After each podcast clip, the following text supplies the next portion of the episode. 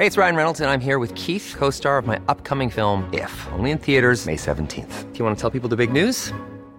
All right, I'll do it. Sign up now and you'll get unlimited for $15 a month in six months of Paramount Plus Essential Plan on us. Mintmobile.com slash switch. Upfront payment of $45 equivalent to $15 per month. Unlimited over 40 gigabytes per month. Face lower speeds. Videos at 480p. Active Mint customers by 531.24 get six months of Paramount Plus Essential Plan. Auto renews after six months. Offer ends May 31st, 2024. Separate Paramount Plus registration required. Terms and conditions apply if rated PG. Mom deserves the best, and there's no better place to shop for Mother's Day than Whole Foods Market. They're your destination for unbeatable savings. From premium gifts to show-stopping flowers and irresistible desserts. Start by saving 33% with Prime on all body care and candles. Then get a 15-stem bunch of tulips for just $9.99 each with Prime. Round out Mom's menu with festive rosé, irresistible berry chantilly cake, and more special treats. Come celebrate Mother's Day at Whole Foods Market. Quality sleep is essential. That's why the Sleep Number Smart Bed is designed for your ever evolving sleep needs. Need a bed that's firmer or softer on either side?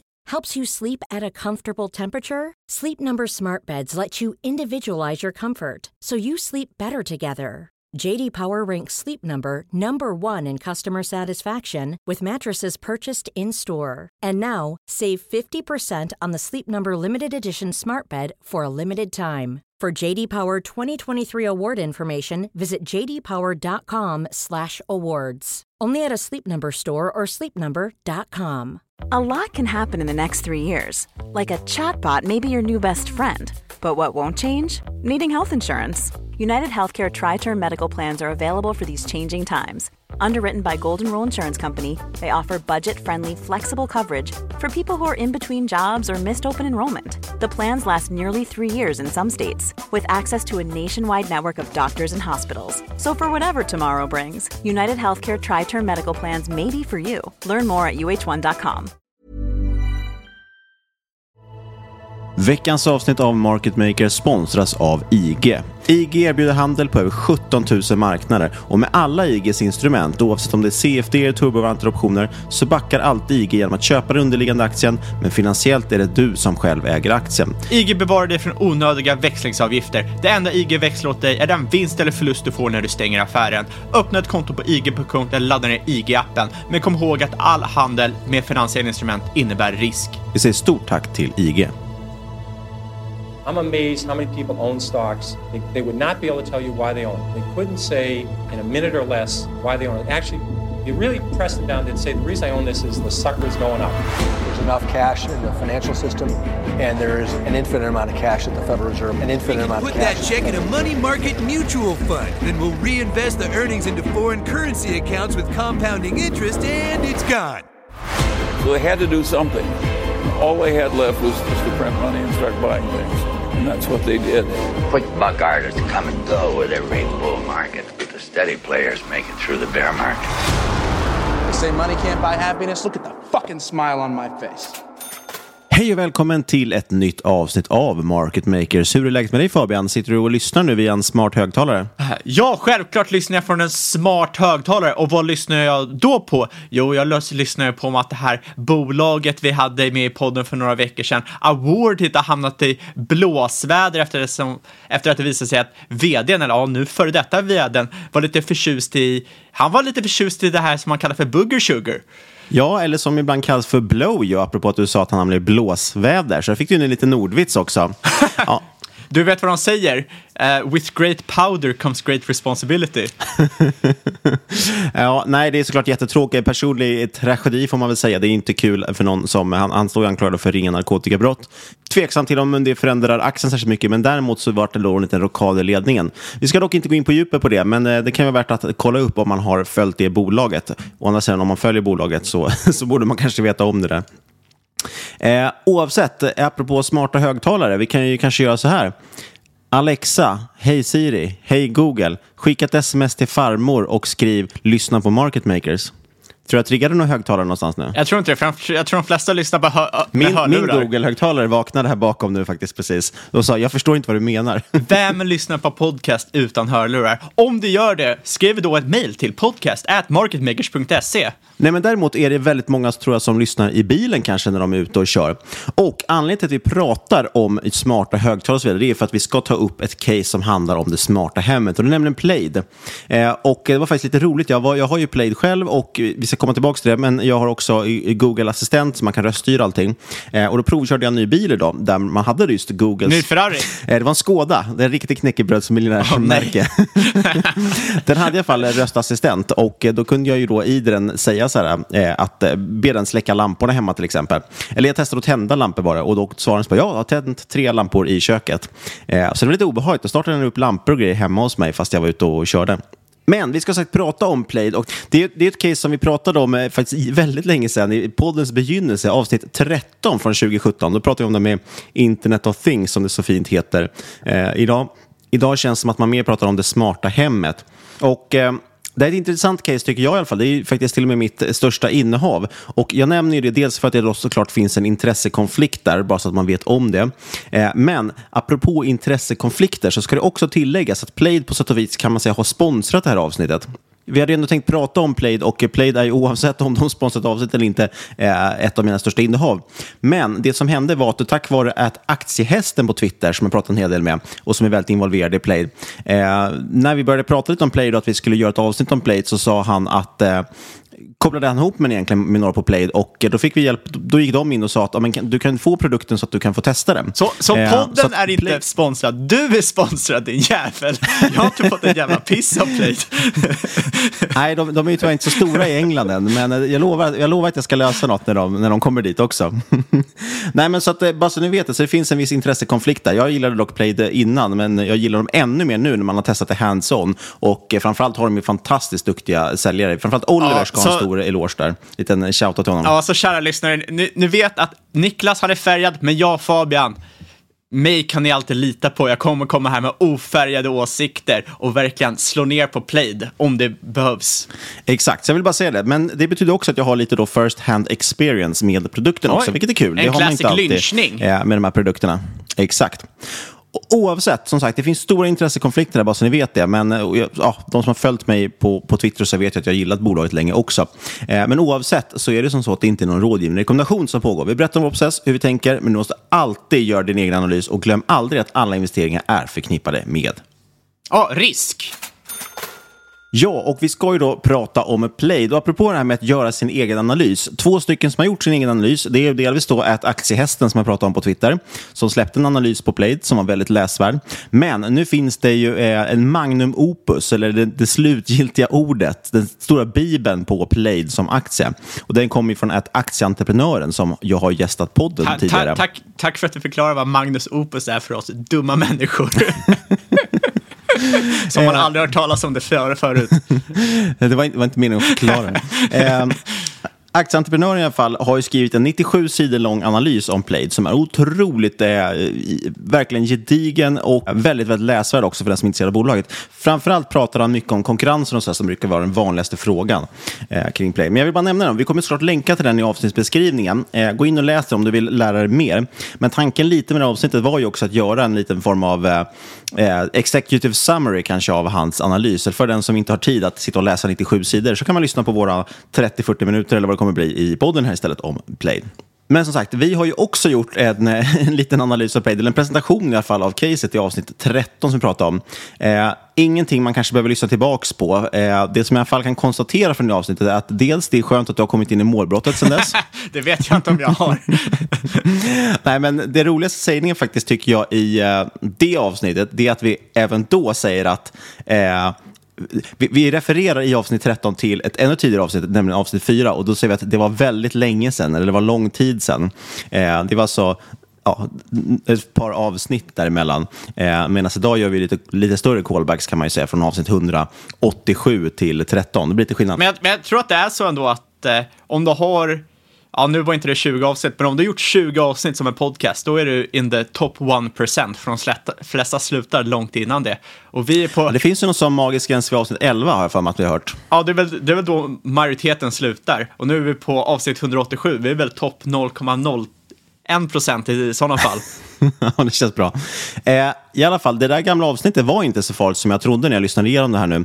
Eh, och det var lite kul faktiskt att jämföra vad vi trodde då mot vad som har hänt. Jag rekommenderar ingen att gå tillbaka och lyssna på det. Det finns Vad- ingen anledning vad- för det. vad- Men jag tyckte det var kul att jämföra. För oss som aldrig Eh. har lyssnat på det avsnittet, alltså inte jag utan för några andra kanske, eh, vad, vad sades i Men avsnittet? precis, för det, det som var intressant var dels, vid den tiden gjorde ju Played ingen vinst. Nu har man gjort ett, eh, ja det är väl snart inne på andra året nu med, med vinst på Played. Eh, men men sagt, vid den tiden så gjorde man ingen vinst och, och det var ju det vi sa då, att det var egentligen det vi väntade på att vi ville se. Eh, och det är det jag har väntat länge på med Played också innan jag velat köpa in mig för att se att det faktiskt eh, får en lönsamhet när det skalar upp. Men redan då såg man ju det här med, som vi kommer komma in på idag, att det är elektrikerna som är de bästa säljarna.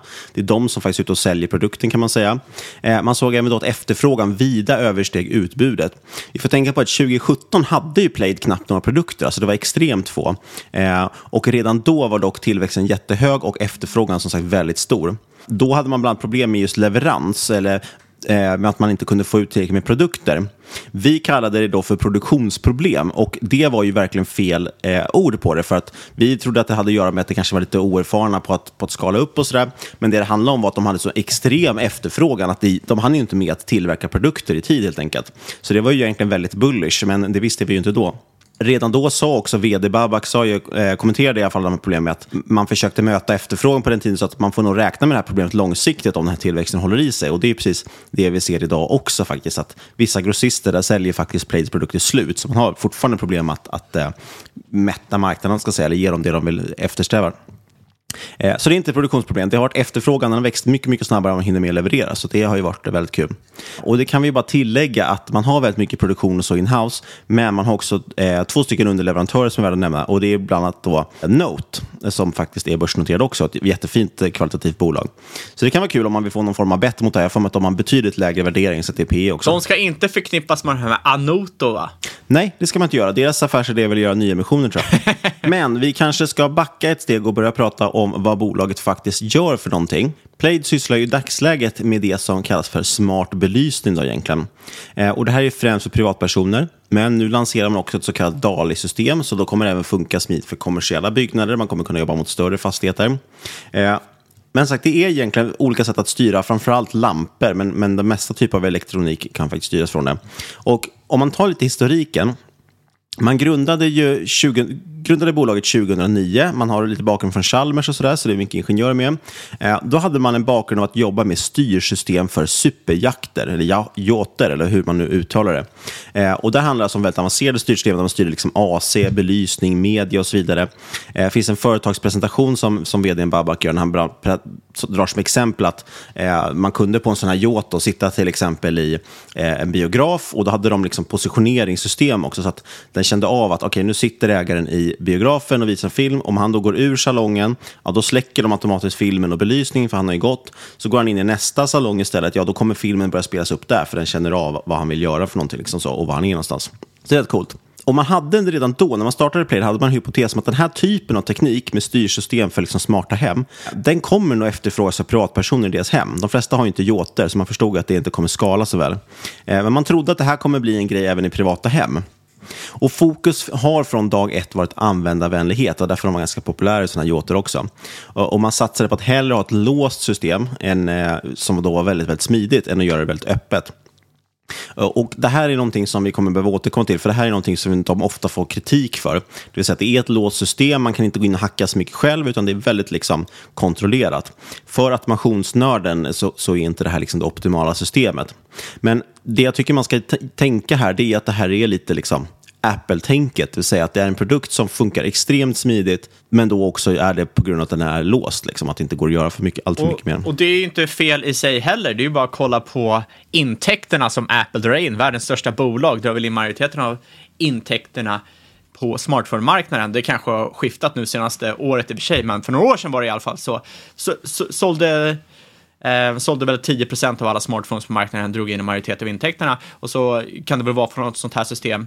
Eh. Absolut, och befäst... Hö högre, högre marginal. De flesta vill ju bara att det ska funka. De bryr sig inte så mycket om att de ska kunna eh, customize it själva, utan de vill ju bara ha någonting som är plug and play, som kommer igång så snart som möjligt och funkar som de vill att det ska funka. Och dessutom, har man en stark marknadsposition, vilket Plaid har, så betyder det också att man då får egentligen en vallgrav. Precis som att när Apple, när de lanserar ett par, eh, sina AirPods, ja, då är det de som folk väljer att köpa till sin iPhone, eftersom man vet att det kommer funka bra, det är samma system, det är samma design och så vidare. Och det är egentligen samma sak med Plaid, för att om du har en konkurrent, låt säga att du har Philips Hue eller någon liksom som, som baseras på om det är Z-Wave eller Zigbee, kommer jag inte ihåg nu bara för det. Eh, men någon av de här öppna standarderna som finns i alla fall. Ja, men då kan ju du, okej, okay, jag vill addera någonting till mitt, mitt smarta hemsystem. Då kan jag ju bara gå in och söka på vad jag vill ha, typ en lampa eller en, ett vägguttag eller någonting. Eh, och då kommer jag ju hitta liksom, produkter från ja, tio olika producenter. Men vill du komplettera någonting i ditt Plaid-system som du är nöjd med, ja då måste du också i princip välja en Plaid-produkt. Med det sagt så integrerar ju Plaid med alla de här stora systemen som Alexa och Google Home och så vidare. Så att det är egentligen inga konstigheter att, att knyta ihop det där. De har ju valt att hålla sitt system låst och sen får man göra integrationerna i till exempel Google Home. I alla fall, för att återgå där, de, man förstod att liksom, man vill få in det här, de här styrsystemen och smarta hemmet till privatpersoner. Men man funderar då på okay, vilken del av det här ska vi försöka ta. För att just de här styrsystemen, såg man ju liksom att de inte var så stora. Så 2014, 2015 någonstans, då ställer man om mot att börja producera för privatpersoner. Man får fundera på vilken del av hemautomation man ska gå in på. För man, eh, och man ser då ganska snabbt att belysning känns som någonting som är väldigt intressant och relevant och, och moget idag. Eh, det finns ingen rejäl efterfrågan på smarta kylskåp eller smart kontroll av AC. De flesta har inte ens ett AC, en AC i sitt hem, vilket i och för sig de, de önskar att de hade kanske de här senaste dagarna. Eh, så att man gick ganska fort in på belysning och såg att okay, det här är någonting vi kan. Eller man kan ju hela liksom, hemautomationsdelen, men man såg att det här är någonting vi kan som är väldigt, väldigt intressant. Och då började man först med att ta fram en smart lampa likt Philips Hue eller Ikea trådfri. Där elektroniken sitter i själva lampan, så du kan ha vilken liksom, lampknapp och, och armatur som helst och så skruvar du i en lampa och så är den då smart. Eh, jag har själv haft Ikea trådfri och, och det här Hue-systemet tidigare och, och, tycker att det funkar hyfsat, men, men Plaid är ganska överlägset, vilket vi kanske kommer in på sen. Man började ta fram en sån lampa, men man såg då ganska fort att okay, men Philips har redan hunnit så långt. Vad ska vi kunna konkurrera med? Det finns ingenting vi kan, vi kan gå in på här. Sen kom dessutom Ikea också och de är ju så otroligt mycket bättre på att pressa priser så att det finns, fanns liksom ingen lucka där. Eh, men då identifierade man ett annat stort hål på marknaden. Man såg att det fanns ju liksom två egentligen ut, det fanns ett utbud i båda ändarna av spektrumet men inget i mitten. Så det fanns stora, komplexa och dyra system för att hantera styrning av belysning i kommersiella fastigheter. Eh, men det var ju för dyrt för privatpersoner. Eller så fanns det de här enkla plug and play-systemen, då, likt Philips Hue och trådfri. Men det fanns ingenting däremellan som kunde installeras billigt och enkelt hos privatpersoner, men av elektriker. Det vill säga ett professionellt system, fast enkelt och billigt eh, för privatpersoner. Eh, så det var därför man gick in i den liksom, nischen. Och 2016 noterade man bolaget och då omsatte man runt 4,5 miljoner kronor. Och då hade man faktiskt i princip bara en enda produkt lanserad. Man hade det här yacht-segmentet lite i bakgrunden som kanske omsatte tre av de 4,5 miljonerna. Liksom så att den här dimmerverksamheten, man hade egentligen en enda dimmer eh, som man kunde installera eller som man kunde sälja då. Och den omsatte kanske en och en halv miljon. Nästa år, 2017, då, då växte man till att omsätta ungefär 30 miljoner kronor utan att ha adderat egentligen några särskilda produkter. Så bara på den egentligen enda produkten så kunde man alltså mångdubbla eh, omsättningen och så justerar man för den här yacht-delen så blir det ännu mer imponerande. Så efterfrågan fanns definitivt efter den här typen av produkter. Och vi ska återkomma till hur de här produkterna funkar. Efter det fall så förvärvar man konsult, ett konsultbolag som man använder för att utveckla hårdvara. Eh, så man fick in det in-house, man känner att man vill ha allting in-house. Så man gör nästan allting in-house idag, utveckling och så vidare. Det är vissa delar av produktionen man som sagt outsourcar till eh, bland annat Note. Och efter det förvärvet nu då, så har man de senaste åren här lanserat över tio produkter. Man har påbörjat en internationell expansion och eh, man omsätter strax över 200 miljoner kronor under 2020. Eh, och beroende på vem man frågar, vad man tittar, så förväntas man kanske växa till över 300 miljoner kronor under 2021. Eh, och den här yachtverksamheten vi pratar om, den har man förstås eh, lämnat över till en tidigare partner. Så att nu är det renodlat då, och det är bara den här typen av eh, puckar som det kallas då, som eh, det handlar om. Ja, men jag kanske kan gå in lite mer på Eh, de här produkterna du nämner och framförallt så, du nämnde lite där tidigare om att, kanske lite ett missförstånd att det är eh, att kunden är privatpersonen utan att man riktar sig väldigt mycket mot elektriker, att det är elektriker som eh, sköter försäljningen och elektri det är nästan som ett ekosystem av elektriker som Plaid använder sig av för att bygga upp sin verksamhet. Verkligen. Och så produkterna egentligen, om vi jämför oss sagt, Ikea och Philips, de gör ju det här plug and play-system som det kallas för. Det vill säga, du har ett befintligt elsystem, du har en armatur förhoppningsvis i taket och vill du då att den ska bli smart, då skruvar du i en lampa som har all elektronik inuti sig. Sen måste du till det addera då styrsystem och knappar och sådana saker för att få det här att lira. Eh, och det funkar bra i ganska många fall, men det finns mycket begränsningar med det. Till exempel så har du inte alls samma typ av flexibilitet som du har med Plaid. I och med att Plaid kan, liksom, kan i princip dra virtuella kablar, jag kan återkomma till det, men i de här Philips Hue-systemen till exempel så Ja, då, då, då, sätter du upp lampor där det redan finns armaturer. Du kan liksom inte göra någonting mer med det. Och dessutom finns ju inte alla typer av lampor. Till exempel, Philips kanske för sig har det, men jag tror Ikea till exempel har inte spottar och sådana saker. Så att har du spotlights och så, så kan du inte kontrollera dem. Plus att du måste också som sagt byta ut alla lampor du har mot det här systemet. Skillnaden då i Plaid, det är att de är ju istället byter ut själva eh, pucken som de kallar det för bakom lampknappen. Så om du pillar bort en lampknapp eller en dimmer så sitter det ju en liten dosa där bakom. Och det är den som Plaid byter ut. De, där stoppar man in en Plaid-dosa istället. Det som händer då är att helt plötsligt börjar alla doser prata med varandra. De går ju på blåtand eller bluetooth eh, och ett mesh-system så de förstärker varandras signaler. Och då helt plötsligt så kan de här börja prata med varandra och styra varandra. Så att ett, ett praktiskt exempel eh, som Play tar upp och som jag har varit med liknande själv. Eh, Play tar upp det, låt, låt säga att du har, eh, en, du har spottar i taket, du har, du har en, en, takbelysning i ditt kök. Och sen så ska du addera på en ny bänkbelysning och det är ju då någon form av spottar eller dioder som sitter liksom under, under skåpsluckorna i köket. Då skulle du vilja kanske att de gick på samma knapp. Men det går ju inte för att det är en betongvägg däremellan och du kan liksom inte dra kabeln runt hela eh, till den här knappen. Då behöver du i så fall bila upp betongen och helt plötsligt så, och sen spackla och måla över och helt plötsligt har du dragit in tre stycken hantverkare som skickar fakturor istället för en enda från elektrikern. Det Plaid kan göra, att de, det spelar ingen roll var lampknappen sitter. Bara, så länge det här då nya eh, lamporna som kommer in, den här bänkbelysningen, så länge den kommer in i en Plaid-puck, ja, då kan du bara enkelt i appen på, på liksom 20 sekunder välja att okej, okay, men den här som styr takbelysningen, den ska också styra bänkbelysningen. Så då skickar den en trådlös signal och säger okej, okay, nu ska du tändas och nu ska du släckas från den andra knappen. Eh, så helt plötsligt har du undvikit att, att dra en fysisk kabel och istället dragit en virtuell kabel. Eh, ett, ett, eget exempel på det här, vi har ju också spottare i, i taket i köket och sen de sitter tillsammans på en lampknapp. Sen finns det en enda ensam spotlight som sitter över en liten köksö.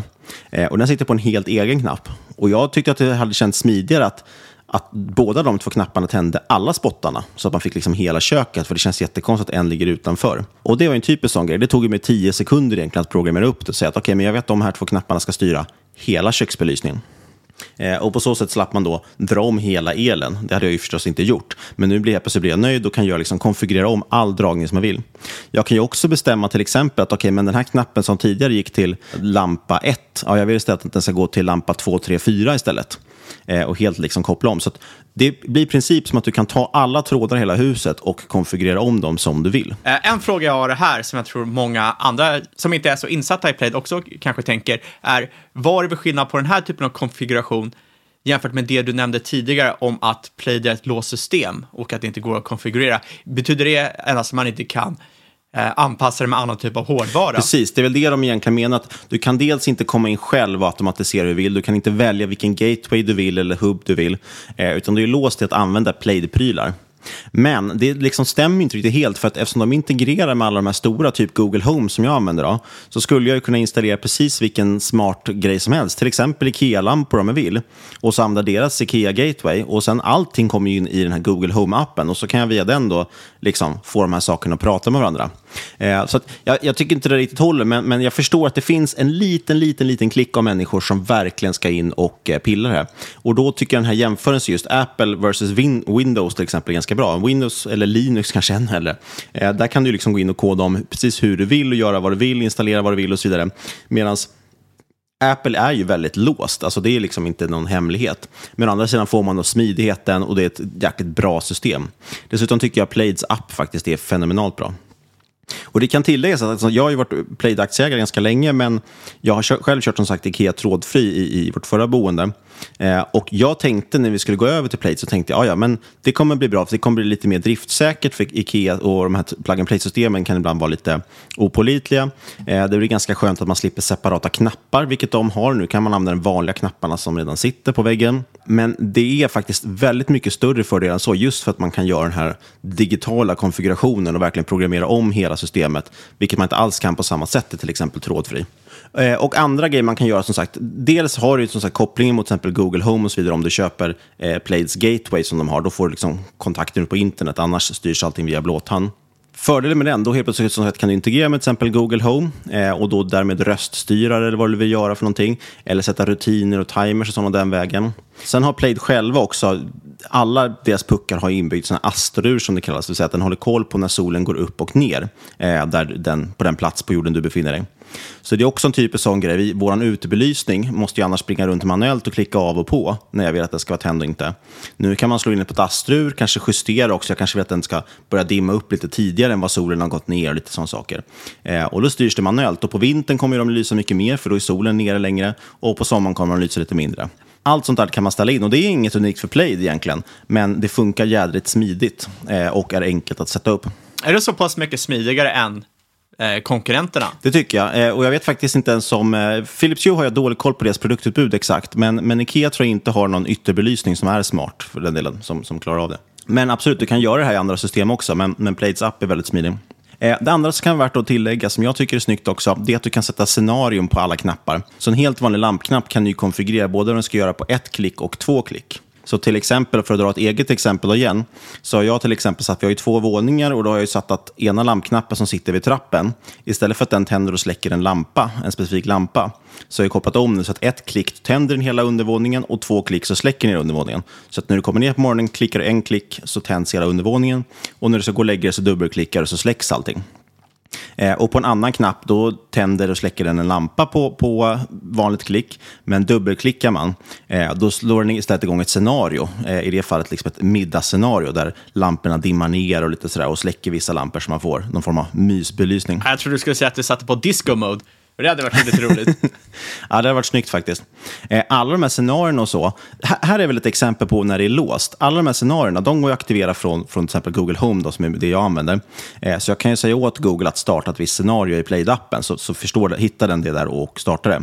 Men jag kan inte göra det omvända. Jag kan inte från en, en lampknapp, till exempel dubbelklicka och få Plaid-appen att säga åt av vad vet jag, min automatiserade rullgardin att åka upp eller starta musik på Spotify och få någon slags discoläge. Så det är väl där kanske den här låsningen kan lyftas, att, att Plaid kan ju inte prata utåt. Eh, men däremot kan den ta emot information vad den ska göra från andra system. Och sen nämnde du det här med elektriker. Och det stämmer. Egentligen, rent tekniskt så är ju kunderna Plaid har, det är ju grossisterna, alltså elgrossisterna som i sin tur säljer till elektriker. Men det som är så jävla intressant med Plaid, det är ju att deras dimrar, alltså de har ju lyckats få en sån position där elektrikerna väljer eh, Plaids dimrar före en så kallad dum dimmer, alltså en vanlig dimmer. Eftersom att ett, de är i princip lika billiga. En playdimmer kostar inte mycket mer än en vanlig dimmer. Men de är desto smidigare att jobba med. Så de ger en enorm flexibilitet. Precis som jag beskrev, man kan då helt plötsligt vir göra virtuell tråddragning, vilket underlättar för elektrikern också ibland. Och dessutom, det stora som elektrikerna gillar, förutom att de är enkla att installera och så också, det är att det ofta ger merförsäljning. Så det som händer oftast, det finns ju förstås kunder typ som jag som specifikt säger att ja, men jag vill ha Plaid i alltihopa och så byter man då ut elektronik eller om det är nyproduktion så stoppar man in den direkt. Men den vanligaste typen av försäljning det är ju vid renovering. Alltså, någon ringer till en elektriker och säger hej, ja, min eh, dimmer här i köket har pajat, kan ni komma och byta den? Absolut, säger de. Kommer dit och sätter in en Plaid-dimmer. Fast resten av systemet är dumt, så, så att säga, eller inte smart. Sen lämnar de en liten lapp som berättar om det här Plaid-systemet. Okej, nu har du fått en Plaid-dimmer. Eh, du kan använda den precis som vanligt om du vill. Eller, bara så du vet, så finns det en app här som du kan ladda ner och då helt plötsligt kan du kontrollera den här. Då går de ju in ofta, skaff, skaffar den appen och börjar testa lite och tycker att det är lite skojigt och inser plötsligt att oh, vänta, jag skulle kanske vilja ha lite mer. Jag skulle kanske vilja styra mer belysning eh, än bara den här dimmen. Och då helt plötsligt ringer elektrikern, hej, har du fler play-dimrar? Och sen är liksom det här snurran igång och sen är de hooked vid produkten. Och jag vågar hävda att det är nog ganska få som Om man fastnar för att man gillar liksom att, att eh, ha smart belysning, då är det ganska sällan man går tillbaka till att sluta ha det. För mig kändes det till exempel som en, en no-brain att vi måste skaffa ett nytt, någon form av sånt system när vi flyttade. Så det är det som är liksom moten. Det är ingen privatperson som själv går in och köper Plate-grejer. Man får inte ens installera det om man inte är behörig elektriker. Vilket också kan förklara, tror jag, för många kan nämna när de gått in på hemsidan själva, tycker att det är ganska obegripligt produktsortiment. Det är inte riktat mot vanliga användare. Det står ju om, det står ju om reläer och krondimmer och sådana saker som man inte ens begriper vad det betyder knappt om man inte är elektriker. Så i stort sett, om jag skulle vilja ha det i min lägga, då måste jag gå, liksom hitta en elektriker som kan installera det här, säga, ja, ah, tjena, jag vill ha smart belysning, och så säger de, ja, ah, vi kan reka Play. Exakt, helt enkelt för att det är också så att det finns ju regler på att du måste, ha, måste vara behörig för, för starkström för att ens pilla med belysningen och så i ett, i ett hem. Och, och, så, och, och som jag förstår enda anledningen varför de rekommenderar det är för att de tycker att det är en smidig lösning att installera. Precis, det är en smidig lösning, den är i princip lika billig som en vanlig dimmer och det ger ofta mer försäljning som sagt för att kunden då inser vilken, att det här är ett roligt system och så vill de ha mer av det. Det finns många fördelar och som jag sa, det kan också vara en flexibilitet, det vill säga när de sätter in ny som dimmer så kanske kunden säger, ja, så skulle jag vilja dra om så här och så här så att det blir konfigurerat på det här sättet istället. Okej, okay, istället för att jag drar in och börjar bila upp väggar eller borra nya hål och behöver spackla och måla och grejer, så kanske jag bara sätter in två dimrar istället. Och då plötsligt kan de trådlöst istället dra en kabel mellan varandra så att säga. Fungerar det liknande som hur Microsoft lejer ut mycket av sin, de lejer ut rätt mycket av sin verksamhet på liksom underkonsulter? Dess partnernätverk, ja. Ja, exakt. Ja. Så kan man verkligen säga, för Play är ju inte ute och pratar med privatpersoner, utan det är ju elektrikerna som installerar, ofta till och med utan kundens vetskap nästan, eh, eftersom det inte blir någon prisskillnad för dem i princip. Så det är exakt samma sak. Och Microsoft, som du säger, de har ju sitt partnernätverk, det vill säga det är partners som säljer licenserna och som delar de marginal med dem. Och det är de som är ute och förespråkar Microsoft och säljer på mer Microsoft-produkter och så vidare det är otroligt, otroligt intressant tycker jag. Och som sagt, jag som redan var väldigt positiv till bolaget måste säga att jag är ännu mer positiv efter att ha verkligen testat också. För jag tro, såg bara egentligen hårdvaran och tänkte att okej, okay, det här blir lite smidigare och, och bra, men det är liksom ingen det är ingen stor skillnad, men det blir faktiskt en väldigt stor skillnad, speciellt när man har ha lite mer lampor och vill kunna konfigurera om det och, och, ändra lite i det. Sådär. Och jag gillar också faktiskt, jag som är, jag är ett stort fan av röststyrning, men, men det är faktiskt ännu, det är faktiskt väldigt ofta nu jag inte använder det, utan istället klickar på knapparna och har dubbelklick och sånt för, för scenarion, så man slipper göra det eh, med rösten. Men som sagt, det finns konkurrenter, men det är egentligen ganska få som är samma typ av konkurrens. För att egentligen, det Played själva säger, och det, och det stämmer ju, det är att deras största konkurrent, det är ju de dumma dimmarna, så att säga, som traditionell dimmer. Eh, eftersom elektrikerna som sagt installerar här istället för sådana. Så det är det som är liksom den stora affären, det är där framförallt mycket av, av volymen kommer. Sen finns det de här då plug and play-systemen som vi sa, och det finns ett gäng andra konkurrenter, men ingen som är på varken den nivån som Play där, eller som gör exakt det de gör. De såg som sagt ett hål i marknaden. Och vill man grotta ner sig ordentligt i konkurrenterna och gå igenom det verkligen en och en, då ska man titta in i aktieentreprenörens analys. Han har en rejäl genomgång där på mer än tio konkurrenter och förklarar med ingående liksom hur de skiljer sig från play. fördelar och nackdelar och så vidare. Så det är en riktigt, riktigt bra. Och det man kan notera är att Plaid är inte bara marknadsledare inom smart belysning, de är också det inom traditionell belysning. För att Play, elektriker föredrar som sagt Plaid föredrar det, det dumma alternativet, om man ska säga. Eh, och återigen, man ska verkligen, den vanligaste, alltså jag ser många som kritiserar Play och tycker att ah, men det här är inte tillräckligt öppet, man kan inte göra det si och så och så. Eh, men, men det är verkligen en så extremt liten del av, av befolkningen som är sådana här supernördar och verkligen vill kunna programmera själva. Majoriteten vill bara att det ska funka. Många kanske inte ens använder de smarta funktioner, utan de vill bara att lampan ska tändas när man trycker på knappen. Ja, jag, jag, jag, jag håller med. Jag tror att man kan vara negativ till Play, men jag tror att det är en väldigt konstig grej att vara negativ mot. Det är bara att kolla på hur populärt iPhone har varit och fortfarande är. Det är för att folk inte vill sitta och mixtra med sin mobil. Och när det kommer till datorer, kolla liksom populariteten av Macbooks versus att använda ett Linux OS-system. De enda som använder Linux i stort sett. There's never been a faster or easier way to start your weight loss journey than with plush care. PlushCare accepts most insurance plans and gives you online access to board-certified physicians who can prescribe FDA-approved weight loss medications like Wigovi and Zepbound for those who qualify. Take charge of your health and speak with a board-certified physician about a weight loss plan that's right for you. Get started today at plushcare.com slash weight loss. That's plushcare.com slash weight loss. plushcare.com slash weight loss. A lot can happen in three years, like a chatbot may be your new best friend. But what won't change? Needing health insurance. United Healthcare Tri Term Medical Plans, underwritten by Golden Rule Insurance Company, offer flexible, budget friendly coverage that lasts nearly three years in some states. Learn more at uh1.com. Mom deserves the best, and there's no better place to shop for Mother's Day than Whole Foods Market. They're your destination for unbeatable savings, from premium gifts to show-stopping flowers and irresistible desserts. Start by saving 33% with Prime on all body care and candles. Then get a 15-stem bunch of tulips for just $9.99 each with Prime. Round out Mom's menu with festive rosé, irresistible berry chantilly cake, and more special treats. Come celebrate Mother's Day at Whole Foods Market. I'm Sandra, and I'm just the professional your small business was looking for. But you didn't hire me because you didn't use LinkedIn jobs. LinkedIn has professionals you can't find anywhere else, including those who aren't actively looking for a new job but might be open to the perfect role, like me.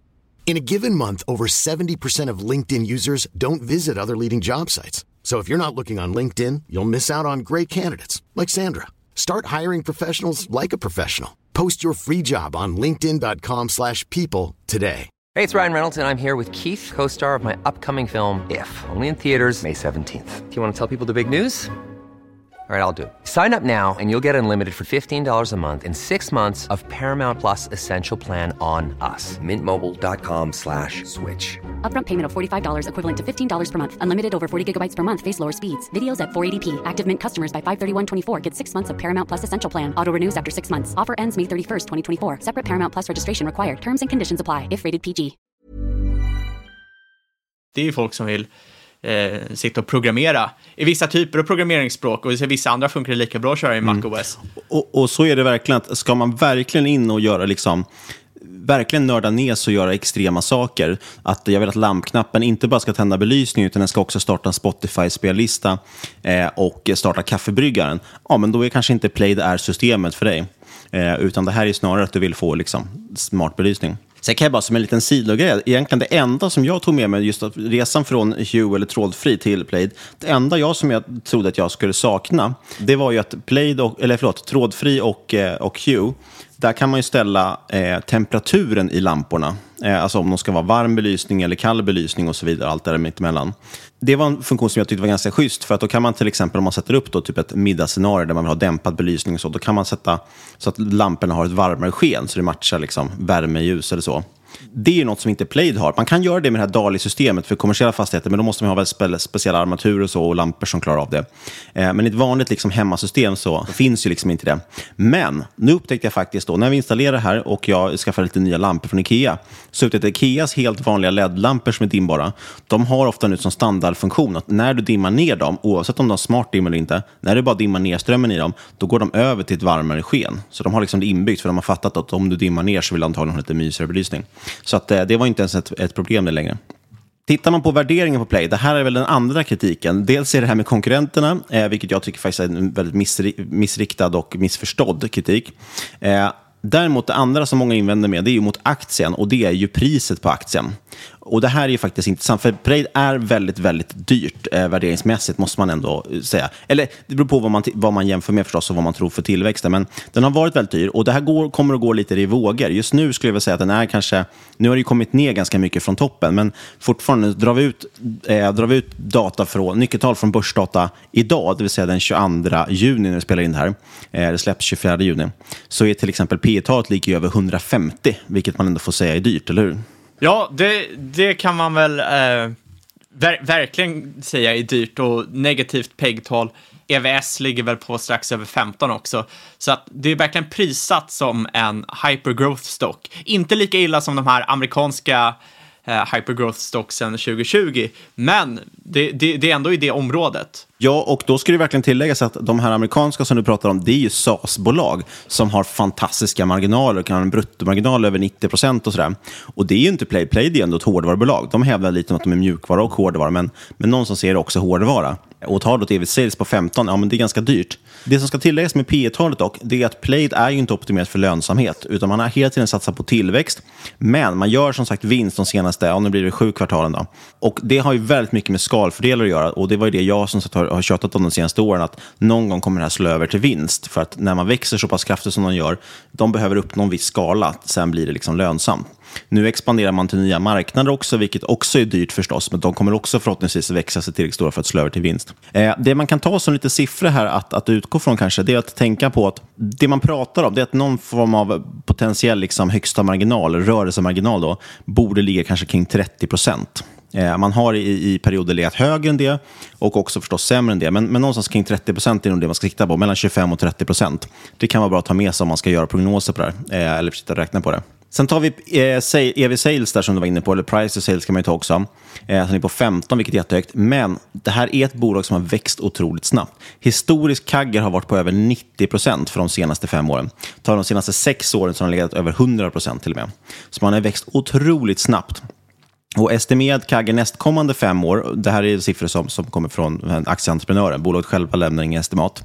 Eh, det ligger också på över 50 procent och det är inte alls eh, otroliga siffror. Jag tänkte bara kommentera lite på det, för att jag kikade bara snabbt på börsdata och de hade ju andra siffror, så eh, jag, jag får ju anta då att kanske eh, dina siffror stämmer mer än vad börsdatas siffror gör eftersom de eh, automatiserar den här inhämtningen eh, på ett eller annat sätt. Men då, då, så, då står det att femårssnittet eh, för revenue growth är 64 procent och treårssnittet är 31 procent och 64 procent rimmar ju inte med det här eh, kagre på 90 procent. Men ändå så visar det en avtagande tillväxt här och hur ska man tänka på det, speciellt när nu när de ska gå in i andra andra marknader, då känns det ju snarare som, det borde vara tvärtom, att tillväxten ökar, visar det någonting på att man kanske har hittat någon typ av mättnadsstadie? Nej, och, och, jag tror att de här siffrorna, det kan vara så att, eh, att aktieentreprenörens siffror, för det är därifrån de här kagger kommer, eh, det kan vara så att de är justerade för den här yacht-delen. För man hade ju redan ett par miljoner i omsättning från yacht-delen.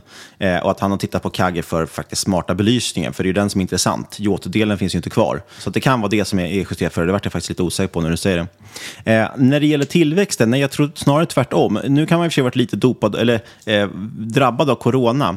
Även om mycket elektrikinstallationer har fortsatt, så är det fortfarande så att säljarna har inte kunnat vara ute och träffa folk, så man har inte kunnat vara ute och, och sälja på samma sätt. Men det växer fortfarande väldigt snabbt och det Plaid pratar om, det de gillar att använda uttrycket, det är multidimensionell tillväxt. Det vill säga att man växer på flera, eh, i flera dimensioner samtidigt. För det är dels så att man lanserar fler produkter. Vi fick det DALI-systemet nu eh, som breddar helt plötsligt. Då kan man helt plötsligt nå ut till företag och inte bara privatpersoner.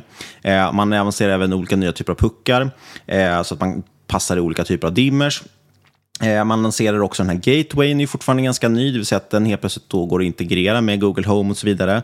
Eh, och det kommer ut på internet, du når liksom via din app, även fast du är på jobbet till exempel. Dessutom, nu kommer ju till exempel också den här äh, vägg, vägguttaget, eller väggpluggen eller vad man kallar det för. Det vill säga, äh, den ligger emellan, mellan ditt vägguttag och en sladd. Så plötsligt då kan du styra till exempel äh, lampor som står i fönstret och sånt som är inkopplade i ett vanligt vägguttag. Eh, så kommer du kunna styra dem också. Så att tanken är väl någonstans, det är inte helt uttalat, men jag kan tänka mig att tanken någonstans är att nå ut till ännu fler produkter inom smarta hemmet. För man kan hela det smarta hemmet, men man har valt att börja med att fokusera på belysning för att man såg att det fanns en stor efterfrågan där. Men det kommer mer och mer sånt. Så det det är det ena med produkterna. Eh, en del tycker att det går väldigt långsamt, men faktum är att man lanserar som sagt över ett tiotal produkter på bara några års tid. Eh, och man kvalitetssäkrar dem ganska noggrant, vilket jag tycker ska, är någonting bra. Det är väl lite samma tänk som Apple, där att det ska, måste funka när det kommer ut. Det får liksom inte ligga en massa buggar i det. Det andra sättet man växer på, det är att gå ut till fler marknader. Eh, Sverige har gått riktigt, riktigt bra eh, om man är lönsamma här. Nu kommer man in i Norge och Finland, bland annat, eh, är man redan etablerad i och det börjar gå, ticka på ganska bra där. Eh, men det kommer också fler i Nederländerna, Tyskland, Spanien och flera så. Det man kan tänka på är att inom Norden har det varit ganska enkelt att nå ut, för man har ofta samma grossister som agerar i Sverige, så det är liksom, man har redan kontaktvägarna. Däremot kan det finnas andra justeringar. Till exempel vet jag att de sa att i Norge så har man av någon anledning mycket svarta lampknappar, så de har behövt lansera en svart variant av alla olika knappar och dimrar. Just det, det glömde jag nämna. Det är en annan produkt de har också. Det finns ju trådlösa dimrar och knappar. Så att om du kom på att jag vill, ha ett, jag vill ha en lampknapp på ett annat ställe än vad du har, ja, då istället för att behöva dra en tråd dit, då bara klistrar du dit liksom en, en dimmer och så har du en dimmer som pratar trådlöst med resten av systemet. Eh, men utanför Norden så kommer det klart vara lite svårare, för att ibland kanske det är annorlunda standards för saker, det kanske ser ut på olika sätt, drar el på andra sätt eller så. Så att där kan det vara lite svårare, men det, hävdar man då kanske också kan betyda bättre vallgravar. Eh, sen om det är bara optimistiskt tänk eller inte, det vet jag inte marknaden generellt växer i alla fall i snitt med över 20 procent per år. Så det är en ganska bra trend. Så skulle man bara försvara sin marknadsposition idag så har man fortfarande en kraftig tillväxt. Men sagt, Plaid har legat betydligt mycket över det. Eh, och eftersom det inte finns några reella konkurrenter att prata om tycker jag så, så ja, den här 50 procentiga tillväxten per år känns inte otrolig. Och vi kan som exempel bara titta på tillväxten i, i eh, Norden i alla fall. Tittar vi på, på Norge och Finland. De omsatte under 2020 cirka 10 miljoner, det, den, den regionen. Så det är väldigt litet. Då tror man att ungefär hälften av det kanske var i Q4, eftersom det här hela tiden har accelererat. Och under Q1 2020, bara då, var omsättningen sedan 11 miljoner. Så, så bara under första kvartalet 2021 så omsatte man alltså mer än hela 2020, hela föregående år. Eh, skulle vi bara ta, skulle man vara stillastående härifrån och så tar vi liksom kvartal 1 gånger 4, ja då har vi 44 miljoner kronor i omsättning. Det är en fyrdubbling från föregående år. Troligtvis landar man snarare kanske kring 50-70 miljoner eller någonting för 2021 i den regionen. Och någonstans där bör man kunna nå upp till en lönsamhet, så helt plötsligt har vi då kanske tre länder man är lönsamma i. Eh, så det är faktiskt väldigt, väldigt... Eh, det, det, finns väldigt mycket som talar för att tillväxten finns där. Sen kan det absolut komma in nya konkurrenter och man kanske inte då blir först i, i ett nytt land eller så. Och då kommer det bli knepigare. Men de länder man är i just nu så har man en väldigt god position för att fortsätta växa. Ja, hur, hur ska man egentligen se på det där? För att det, det är alltid svårt att, speciellt kan jag tänka mig som hårdvarubolag, när det, där det är annorlunda standard i olika länder, att ta sig in på nya marknader. Hur ska man se på det? Dels om det är andra konkurrenter. Men dels om man kanske inte kan komma in på andra marknader, finns det risk för mättnad på den nuvarande marknaden? Och framförallt det här med smart belysning, ska man se det likt smartphones, att i slutändan kommer alla ha det, eller kommer det vara mer av en nischad produkt som en del av befolkningen vill ha? Det är en jättebra fråga. Eh, det finns ju absolut någon form av mättnadsgrad, men i och med att det kommer nya produkter finns det väldigt långt kvar på det. Och återigen, det, det som är väldigt tydligt är att det man konkurrerar mot, största konkurrensen är dumma dimrar.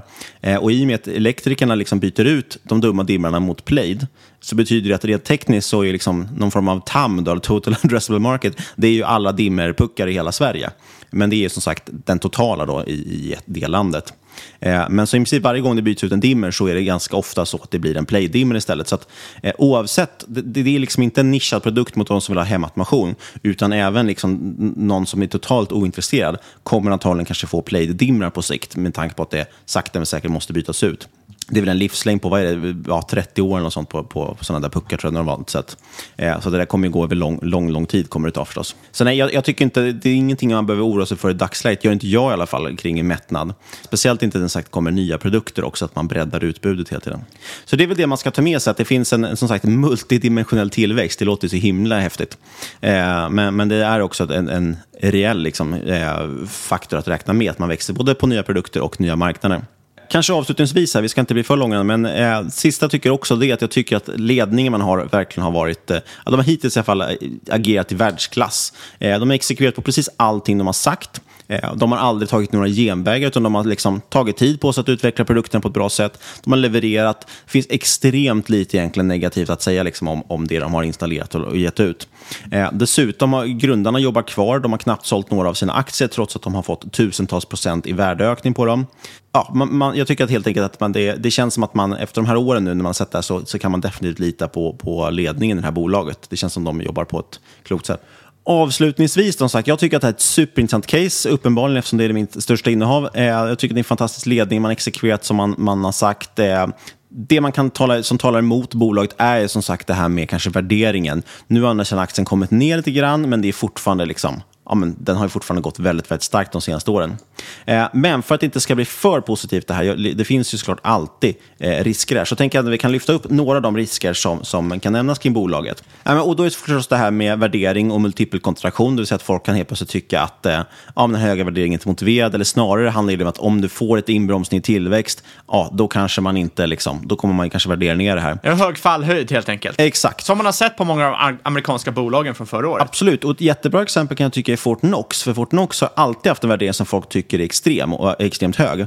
Eh, så det visar på att ett bolag kan ju liksom bibehålla en, en, hög värdering under väldigt lång tid. Men det kräver att man fortsätter leverera, precis som Fortnox har gjort. Och skulle Plaid få liksom växtverk eller inbromsad tillväxt, absolut, då kommer, det, då kommer den där värderingen komma ner och då kommer det bli väldigt eh, blodigt tror jag. Eh, den internationella exponeringen är förstås jätteintressant att följa. Hittills ser det väldigt bra ut, men det är framförallt Norden vi har sett än så länge, vilket man kan tänka sig är en ganska homogen marknad. Hur blir det när man kommer in i Spanien, Nederländerna och så vidare? Det ska bli jätteintressant. Eh, hittills tycker jag som sagt, jag har i alla fall kommit till punkt att jag, jag litar ganska mycket på ledningen och då känns det som att om de säger att de tror på att vi ska gå in i till exempel Nederländerna, ja, men då, då finns det nog någonting bakom det. Sen kan alla bolag göra misslyckade investeringar och satsningar man kanske kan ha försämrad kvalitet i produkterna. Eh, något som jag vet har diskuterats lite grann det är ju hur länge de här produkterna håller. Eh, och de ska vi förhoppningsvis hålla som vanlig elektronik, eh, vanliga dumma puckar som man sätter in. Eh, men visar det sig att om tre år så dör alla de här puckarna så får det lite tråkigt. Men de är inte så pass nya att, att det, då hade vi börjat se det redan nu för länge sedan. Och sen förstås så är det konkurrens och eh, konkurrens i form både av att det kommer andra bolag som på något sätt springer om Played. Jag ser inte riktigt det, för det finns inte så mycket prispress att göra. Eh, och det finns liksom inte riktigt... Eh, att, det finns inte riktigt någon, någon, något hål som, som ska täppas till. Så det är som, som sagt om någon då skulle komma in och göra exakt samma produkter i princip. Ja, kan, kan, kan, kan det mer handla om marginalpress? om det finns aktörer som ser att det finns liksom en väldigt stor marknad som vill ha de här produkterna, att de kommer in och gör liknande saker som, och det slutar med att alla bolag i stort sett får marginalpress. Absolut, och det finns ju ett par sådana. Alltså det finns ju en del som sagt, konkurrenter. Men problemet är att deras system inte har varit särskilt bra. De håller inte uppe liksom, kvaliteten på det. Eh, så det är där liksom, Plaid ändå har bibehållit sin position. Men absolut, man ska inte liksom, låtsas som att det hotet inte finns. Men man, man, man, eh, ska... det kommer jag, jag tror dock att det ligger ett antal år bort Men man ska samtidigt inte få för sig att det är superlätt att konkurrera ut ett bolag som är marknadsledare. Eh, det är väldigt svårt faktiskt att bygga en produkt som är bra. Det är inte så lätt som många kanske får för sig att konkurrera ut en bra produkt. Det ser man ju om och om igen på att till exempel Netflix som ett eh, exempel ska bli utkonkurrerad. De, det enda de har som är bra är deras att deras UX och UI är bättre, alltså deras user interface. Men om det hade varit så enkelt, varför har inte bara det blivit copy-pastat? Ja, men precis. Så det, det, finns ju mycket mer där bakom, mycket mjuka värden som kan vara ibland svåra att ta på. Men precis som du säger, det, det har liksom inte konkurrerat ut trots att det finns andra som kan till och med, kanske man kan till och med hävda är bättre. Eh, och det gäller ju liksom massvis av saker. Jag menar, vem som helst kan ju snickra ihop lite möbler, men man kan inte konkurrera ut Ikea hur som helst. Det är liksom också handlar om ett varumärke.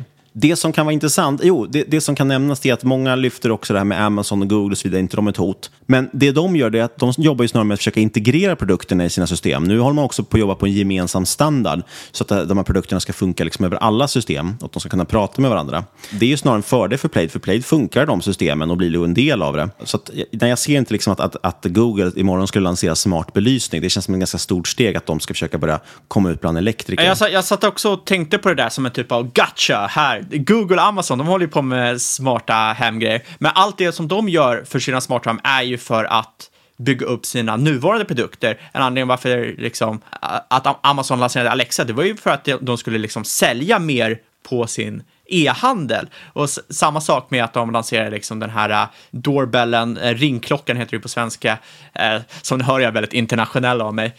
men också till exempel att de har kamerasystem och liknande. Allting är ju då för att främja befintliga produkter som de har, till exempel e-handeln. Och då kanske inte ett liksom, belysningssystem har någonting att tillföra där. Så det kanske inte är rimligt att tro att de skulle komma med ett belysningssystem för att det skulle vara en helt annan produkt som inte skulle bygga ut det totala ekosystemet. Nej, och kanske framförallt skulle nu Google mot förmodan lansera egen smartbelysning, då går de nog snarare på ett plug-and-play-system än det här elektrikerinstallerade, kan jag tänka mig. Det tror jag absolut. Ja, det är en ganska stor process att försöka bygga förtroende hos elektriker och grossister och så vidare. Det andra man kan lyfta upp kanske det är någon form av ny teknik, om det skulle komma någonting helt revolutionerande. Jag vet inte vad det skulle vara för någonting och hur fort det skulle gå. Eh, just nu ligger ju Play liksom i framkant av utvecklingen. Men absolut, man ska, man ska aldrig liksom blunda för att det kan komma saker som förändrar det. Niklas, skulle du snabbt kunna sammanfatta på typ två meningar vad Play är och varför det är intressant?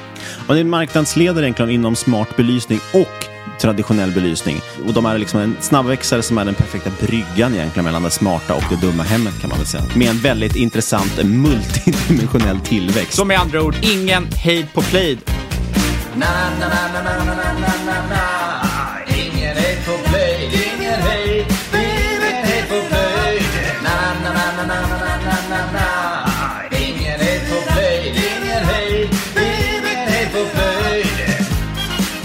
Ja, och det var det. Det var mycket om ett enda case och ganska lite om marknaden helhet. Eh, anledningen till det, det var att jag kände att det vore kul att prata lite mer om det här innehavet eh, och framförallt, som sagt, eftersom aktieentreprenören har skrivit en så fantastiskt stor gedigen analys så vore det kul att försöka göra någon form av snabbvariant av den, eller poddvariant av den. Men vi kommer som sagt länka till den i avsnittbeskrivningen om man vill läsa hela och framförallt, där kan vi också hoppa runt och läsa specifika delar, till exempel kanske fördjupa sig inom det här med konkurrenter eller ledning eller vad det kan vara för någonting. Oavsett i alla fall, jag vill bara igen påminna om det finns den här intressekonflikten. Jag äger aktier i Plaid. Eh, jag vet, du äger inga aktier Jag äger inga aktier i Play, men vi har några gemensamma aktier i vår bolagsportfölj. Så är det, ja. Precis. Men inget av den här podcasten ska ses som rådgivning. Alla åsikter, egna LOVS och eventuella sponsorer tar inget ansvar för det som sägs i podden. Tänk på att alla investeringar är förknippade med risk och sker under eget ansvar. Vi vill också rikta ett stort tack till veckans sponsor IG.com. Gå in på IG.com och registrera er om ni vill veta mer. Kontakta oss jättegärna på podcast at marketmakers.se eller på Twitter at marketmakerspod där man hittar både oss, eh, aktiehästen och aktieentreprenören som vi har nämnt. Kommer jag försöka länka till dem i avsnittbeskrivningen också. Och sen vill vi jättegärna att man lämnar en recension på iTunes. Det blir vi alltid jätteglada för. Ja, helst en positiv sådan. Ja, eller så här, om man har negativa recensioner, då kan man faktiskt göra så här att man skriver i ett, ett dokument, man skriver ut dokumentet, viker upp det till pappersfri plan och kastar ut genom fönstret. Det är ett jättebra sätt för att lämna in sin feedback på podden. Sist men absolut inte minst säger vi stort tack för att du har lyssnat, kära lyssnare. I alla fall om du tyckte om podden. Vi hörs igen om en vecka. Och vad händer då? Jo, det blir startskottet för våran sommarspecial. Ja, så är det. Det blir superkul. Vi kommer fyra stycken förinspelade avsnitt med våra sommaravsnitt. Det här är ju vår klassiska succé sommarserie som kommer varje år. Så det här vill ni inte missa. Och med det säger vi återigen stort tack för att ni har lyssnat.